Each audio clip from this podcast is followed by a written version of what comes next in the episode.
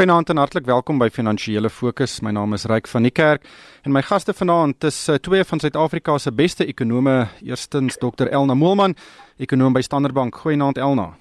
Goeienaand. En uit Pretoria gesels Dawie Rood, hoof-ekonoom by die Efficient Groep. Goeienaand Dawie. Goeienaand Ryk, goeienaand Elna. Hm. Elna, kom ons begin sommer ehm um, by die groot nuus van die week is natuurlik eh, die nasionale begroting. Dis een van die belangrikste ehm um, regeringsaankondigings van die jaar. Is natuurlik was die laaste uh begroting wat mense in die Zuma era kan insluit. Ehm um, wat het jy daarvan gedink en wat dink jy is die ge gesondheidsvlak van die regering se geldsaake?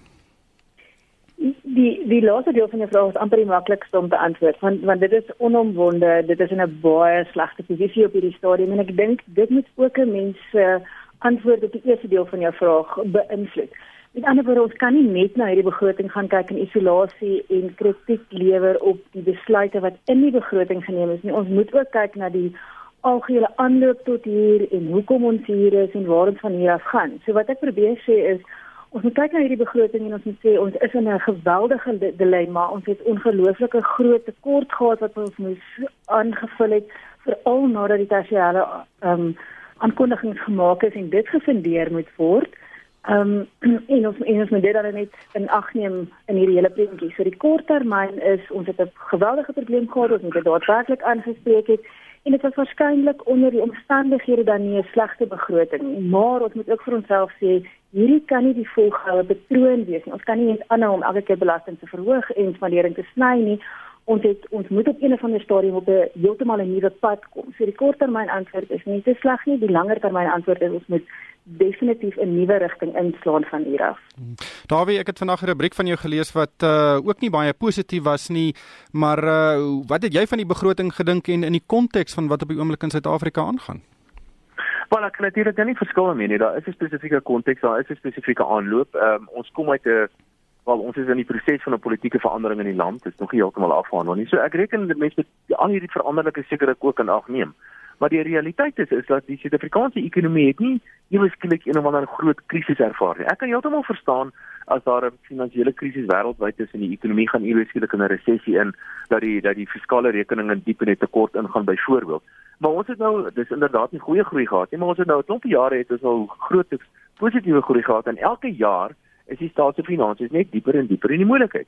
En ek is bevrees om hierdie probleem reg te stel, gaan nie net vir ons uh, gaan mens nie een of twee begrotings kan regstel nie. Mense van hierdie probleem oor baie jare net kan regstel. Miskien vir die groot gedeelte van 10 jaar as ons al die regte goeders doen.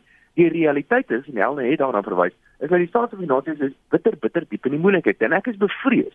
Die werklike stappe om die staatsfinansies in 'n ander rigting te stuur is net eenvoudig nie in die begroting aangeraak nie. Om die waarheid te sê, die regte goeders is nie eens gesê nie. En die belangrikste ding wat gesê moet word, is dat die staat is eenvoudig te groot die staat spandeer te veel geld, hy moet minder geld spandeer. En natuurlik is altyd was daar was uh, was daar ook 'n klompie wat kom ons sê wat nou maar wanvoorstellings weet die politie die minister het byvoorbeeld gepraat van vermindering in staatsuitgawes die koerante het dit uitgebaseer vermindering in staatsuitgawes. En dit is natuurlik alles swak daar was geen vermindering in staatsuitgawes nie. Daar was net 'n vermeerdering in staatsuitgawes op elke denkbare wyse wat daar is so ek is bevrees hierdie begroting het nie naas my uh, genoeg gedoen om die staatsfinansies finansies sogenaamd te konsolideer nie. Nog 'n woord wat kort deur die politici gebruik word. Hmm. Kyk, die die die daar is 86 miljard rand se weet 'n uh, inkorting van staatsbesteding aangekondig, maar soos jy gesê, dit was grootliks kapitaalprojekte op munisipale vlak. Dit is nie uh die staatsdiens sny met 10% van werknemers nie of of regtig die beld intrek nie. Um en en dit is die probleem. Die regering besef nog nie hy sal self die die die pyn moet voel. Hy kan dit nie net op belastingbetalers afsmeer nie. Sekerlik, en daai 85 miljard waarna jy verwys, dit is nie inkorting in uitgawes nie. Dit is net 'n inkorting in geld wat hulle in die toekoms sou gespandeer het. So hulle het beplan om dit uit te gee in die toekoms wat hulle nou nie meer gaan uitgee nie. En dit bring ons miskien by 'n belangrike punt. Dit lyk vir my, en dit is nie net 'n Suid-Afrikaanse verskynsel nie, dit is 'n wêreldwye verskynsel. Dit lyk vir my dat die enigste manier hoe mens politici kan kry om minder geld uit te gee, as die geld regtig waar plaas. En die geld en die geld van die van die fiskus in Suid-Afrika is inderdaad nou werklik waar plaas. Hmm. Elna, uh, interessante uh, weet ek perspektief op die begroting het homself uitgespeel net voordat ehm um, Lucy Gagaba nou in die parlement opgestaan het en dit is weet die media word genooi na 'n sogenaamde toesluit sessie van vroegoggend op die begrotingsdag van 6uur of 7uur die oggend kan mens nou die begroting kry. Hulle vat jou selfoon af en jou rekenaar kan nie met die internet verbind nie en dan kan jy nou daar vir 5 of 6 ure lank na die begroting kyk voordat hy dit lewer. So as die uh die die die die, die minister nou begin gesels het die joernaliste ten minste al 'n idee van wat daar aangaan. En daar's 'n perskonferensie um, voordat hy in die parlement begin praat. En dit was baie baie opvallend dat um, daar die vrae wat gevra is deur die joernaliste het omtrent niks met die begroting te doen gehad nie. Dit het alles te doen gehad met ja. die integriteit van Gigaba en hy's reguit gevra, luister, dink jy jy's die persoon om hierdie begroting te lewer? Um, wat, wat dink jy van die legitimiteit van Gigaba en en die impak wat hy as 'n individu um, natuurlik met die uh aantuigings dat hy betrokke is by skaap staatskaping ehm um, hoe, hoe hoe sien jy sy rol in hierdie begroting? Ja, sy verweer is natuurlik altyd dat niks nog teen hom bewys is nie, maar ek dink wat ek dink die heel belangrikste punt hier is dat as jy in 'n situasie is waar ons nou is met hierdie geweldige fiskale druk, is dit nie goed genoeg nie. Met ander woorde, ons het regtig nou 'n absoluut briljante finansies finansies minister nodig en en ek dink ons het dan nou hy is waarskynlik nie so 'n briljante persoon wat ons uit hierdie gemors kan kry nie. So dis nie dis nie net goed genoeg om te sê is hy betrokke by staatskaping of is hy nie. Ons het regtig nou geweldige kundigheid nodig en baie sterk politieke wil om hierdie skip nou weer op 'n beter pad te kry. Hmm. Daarmee dink jy Cyril Ramaphosa het 'n fout gemaak deur om nie voor die tyd af te dank nie? Nee, ek dink nie so nie. Ek wil eintlik aanvul by wat Alna net gesê het. Hierdie was in 'n groot mate dink ek nog 'n Zuma begroting. En daar's 'n paar dinge genoem in die begroting en in, in die toespraak wat mens sekerlik ehm um, uh, uh, Cyril Ramaphosa se hand in kon soos die verwysing na die staatsbeheer instellings en so. Maar die syfers en die berekenings, dit vat baie jare dit is dis 'n deurlopende proses. Dis nie iets wat mens sommer net vinnig kan verander.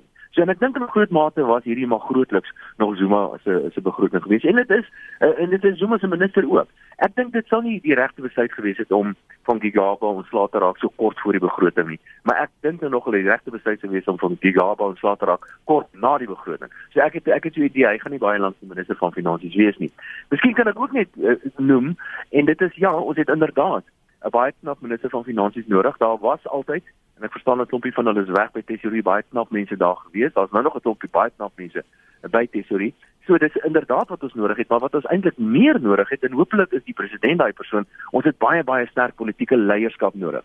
Want jy moet vir mense sê die staat spandeer te veel geld. Die staat het te veel staatsamptenare en hulle word te veel betaal. Nou daarvoor het jy baie sterk politieke leierskap nodig om daai woorde te uit. Hmm. Ja, nou kom ons gesels 'n bietjie oor ekonomiese groei. Malusi Gigaba het dit seker 50 keer tydens sy toespraak genoem dat daar is 'n nuwe positiewe markstemming in Suid-Afrika en dat die ekonomie vinniger gaan groei as wat baie mense dink en dit gaan een van die maniere wees hoe die land se geldsaake gaan verbeter. Is jy so optimisties soos wat hy was?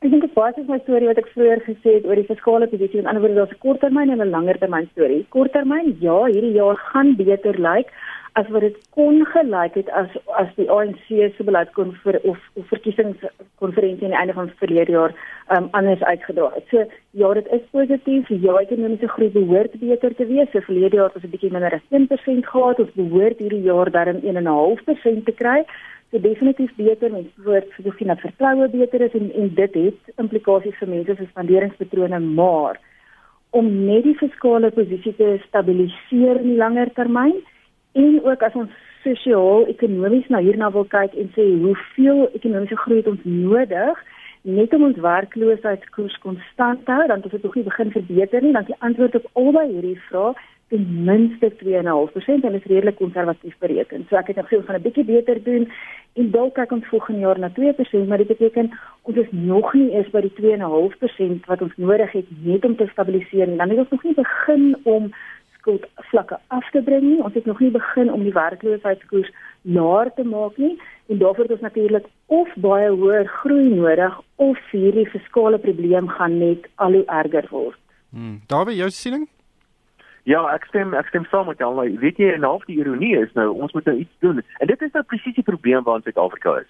Die oomblik as jy as jy 'n groot probleem het soos byvoorbeeld ons fiskale probleem en hoe langer jy wag om na die probleem werklik waar aan te spreek en iets daaraan te doen, hoe moeiliker raak dit. En dis inderdaad waar ons nou is. Die Suid-Afrikaanse ekonomie net so terloops, en my ekonomiese groei verwagting vir hierdie jaar is so fraksie beter as die minister se, maar vir die volgende 20 jaar waarskynlik in die omgewing van 2% as ons gelukkig is. So so mense die die ironie eintlik nou is wat die staat minder geld uitgee uh, en of hy moet belasting verhoog ten einde die fiskale die fiskale uh, saldos uh, te stabiliseer, die fiskale tekorte stabiliseer en die en die skuld ook en dan gaan jy eintlik skade aan ekonomiese groei doen. So as jy staat iewers skielik besluit om werklikwaar sy uitgawes in te kort, dan gaan ons in die korttermyn inderdaad eintlik ekonomiese groei onder druk plaas. Maar dit is nie al wat mense nodig het om te doen nie. Dit is miskien 'n baie goeie eerste stap om die fiskale rekenings in die regte rigting te stuur en die regte goederes te doen, maar daar's verskriklik baie strukturele probleme in hierdie land wat aangespreek moet word en weer 'n keer daarvoor het mens politieke leierskap nodig. Hmm. Kom ons gesels 'n bietjie oor belasting. Elna BTW is opgeskuif tot 15%. Ehm um, ek dink is uh, in 1993 in werking gestel op 10% ehm um, en uh en dis nou 15%. Dis algemeen verwag. Inkomstebelasting is uh het nie verligting gekry vir inflasie nie. Um ook weer eens nie 'n verrassing nie, maar baie mense voel regtig uh die rede hoekom ons nou meer belasting moet betaal is omdat die regering nie sy werk gedoen het nie um, onder president Zuma nie. Hoe hoe sien jy die die belasting in die konteks van wat nou gebeur? Ja, mense definitief daardie indruk dat mense al hoe meer gegrief word deur hierdie belastingverhogings, veral ook omdat ons baie bewus is van korrupsieprobleme, oneffektiwiteit hmm. ensovoorts. Ek dink wel as 'n mens in die korttermyn daarna kyk, is ons eintlik in 'n mate redelik gelukkig in terme van waar ons nou sit. Met ander woorde, ons sit in 'n in 'n internasionale ekonomiese prentjie wat redelik gunstig is. So dit is bietjie ondersteuning vir ekonomiese groei. Ons het redelik ondersteunende um, kommoditeitspryse en ons het dan natuurlik 'n inflasievooruitskatting wat baie laag is en, en al hierdie goeders help. Met ander woorde, as jy 'n BTW verhoging kry en jy kyk na die VPI mandjie, die verbruikersprysinflasie mandjie, dan is net omtrent die helfte van die produkte wel onderhewig aan BTW. So met ander woorde, daardie 1% sit so min of meer 'n halwe persentasiepunt hmm. by inflasie. En dit kom natuurlik by ons inflasieverwagting was voorheen so 4.5%. En ek dink dis baie belangrik dat mense sê dis 'n half persent ekstra belasting. Die die inflasiekoers is nog 4.5%. So eintlik is dit dan redelik klein en gelukkig dan met ander woorde kom dit in 'n tyd wat inflasie redelik laag is. So vir meeste mense behoort hulle loonverhogings nog 'n bietjie bokant dit te wees, so min of meer 6 na 6.5%. So weet dan nog daar daar die reële groei. So so so ja dit is problematies en soos ek vroeër gesê het ons kan nie net op hierdie pad aanhou van toenemend belasting verhoog en dan nog spanderings sny veral aan die infrastruktuurkant nie maar gelukkig op hierdie stadium is dit waarskynlik een van die beter tye om dit te doen. Hmm. Ja, Dawie uh Malusi Gigaba het verskeie kere gesê dit was 'n moeilike besluit en dit is nou wys dat hulle kan kan moeilike besluite neem, maar weer eens ek dink nie daar was eintlik enige ander keuse vir voor die voor die tesourier se deur nie. Ja, net 'n enigste interessante syfers. Uh, een daarvan het uh, Delna ek graag wil hoor wat sy daarvan dink, maar die minister het gesê wat as ek nie uh, verkeerd as ek nie as ek dit reg onthou het gesê 85% van van BTW word eintlik deur sogenaamde ryk mense betaal. Nou, ek weet nie presies hoe dit bereken het nie, maar dit is eintlik interessant want dit beteken dat BTW is nie so regressief as wat ons aanvanklik gedink het nie. Maar ja, inderdaad, die verhoging van BTW is polities natuurlik baie moeilik. Ons ons sien wat dit idee aan nou besig om te doen om nou almal op te sweep om om, om beswaar te maak teen hierdie 1% verhoging uh, in BTW en geen belastingverhoging is ooit 'n goeie ding nie. Maar jy doen net 'n BTW belastingverhoging veral in die Suid-Afrikaanse politieke konteks as jy absoluut geen ander keuse het nie. Net 'n ander interessante sommetjie wat ek gevind het gedoen het. Uh net om vir mense die die aanduiding te gee van die mate van uh, blokkryping of fiskale sloering wat plaasgevind het hierdie jaar. Indien jy 'n miljoen rand per jaar verdien, dan moes jou belastingverligting so 25000 rand per jaar gewees het net om die die effek van inflasie te neutraliseer. En die werklike verligting was maar so iets soos soos 2000 rand. So eintlik was daar 'n verhoging geweest van iemand wat 'n miljoen rand verdien van so 23000 rand jaar. Inkomstebelasting per jaar. Hmm. Elna, jou kommentaar oor uh 80% van BTW wat deur ryk mense betaal word?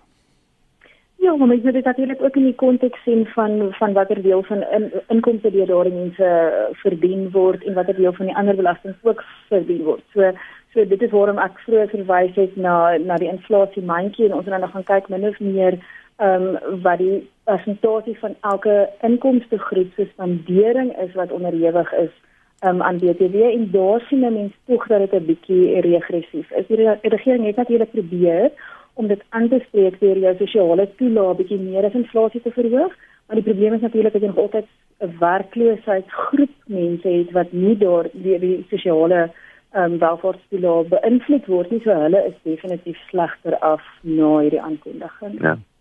Davie, net laastens die groot olifant in die kamer, dit is staatsbeheerde instellings veral Eskom en die Suid-Afrikaanse Lugdiens bitter min oor daai twee instellings in die begroting en dit kan vir ja. vir Suid-Afrika baie probleme verjaar gee as dit nie reg eh, in die bek geruk word nie. Sonder enige twyfel ons het nou reeds gesien Eskom het nou al klaar 5 miljard rand by by die staatsamptenare geleen.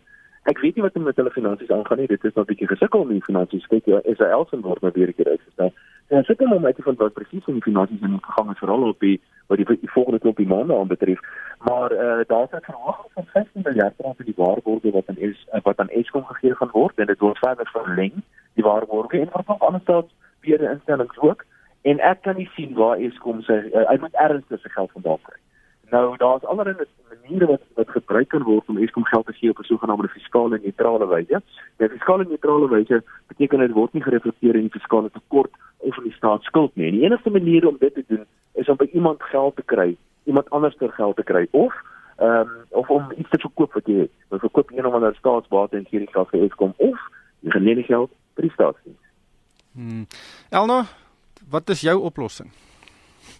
Ek dink nogal die een positiewe tema wat baie sterk deurgekom het, is dat daar meer private sektor deelname in infrastruktuur sou wees en ook in hierdie staatsinstellings. En ons het dit natuurlik ook in die staatsrede gesien en 'n paar keer op ander plekke gehoor. En ek dink as dit werklik realiseer, sal dit een van die mees positiewe goed wees en ek dink ook dan ons het vroeër gepraat oor groei, baie groei positief as dit wel gebeur. Hmm. Daar wie net laastens uh Suid-Afrika se skuldlas is besig om ehm um, buite ja. beheer te raak. Jy sê in jou rubriek dat ons verdrink in, in skuld net 'n bietjie stadiger. Ehm um, die syfers wat ek het, totale skuld van 2,5 trilljoen rand en is 53% van BBP en dit uh, die regering verwag om dat dit so op 56% gaan stabiliseer. Wat is jou indrukke oor hoe of ons uit hierdie skuld uh, probleem kan ontsnap? Nee, ons kan nie kom nie. Enige manier om uit te kom is net om minder geld uit te gee. En net 'n vinnige opmerking oor die skuld is, die syfers wat die minister daar so aanhaal in sy toespraak is nie dieselfde syfers wat die reservebank byvoorbeeld gebruik nie. So hy trek van sy konstant, dit is 'n bietjie tegnies, maar hy trek seker goeders af daarvan wat nie eintlik behoort af te trek nie. So ek is bevrees hierdie skuldprobleme is 'n ding wat vir ons gaan nog baie baie seer maak oor tyd en ek vinnigste groeiende groot uitgawe item vandag is reeds rente op staatsskuld. En teen hierdie tempo binnekort gaan die rente op staatsskuld die grootste uitgawe item wees. Van ongelukkig hierdie tyd ons ingehaal. Baie baie dankie aan Dr Elna Moelman. Sy is 'n ekonoom by Standard Bank en Dawie Rood, hy is die hoofekonoom by die Efficient Groep en vir my ryk van die kerk. Dankie vir die saamluister en ek hoop almal het 'n winsgewende week.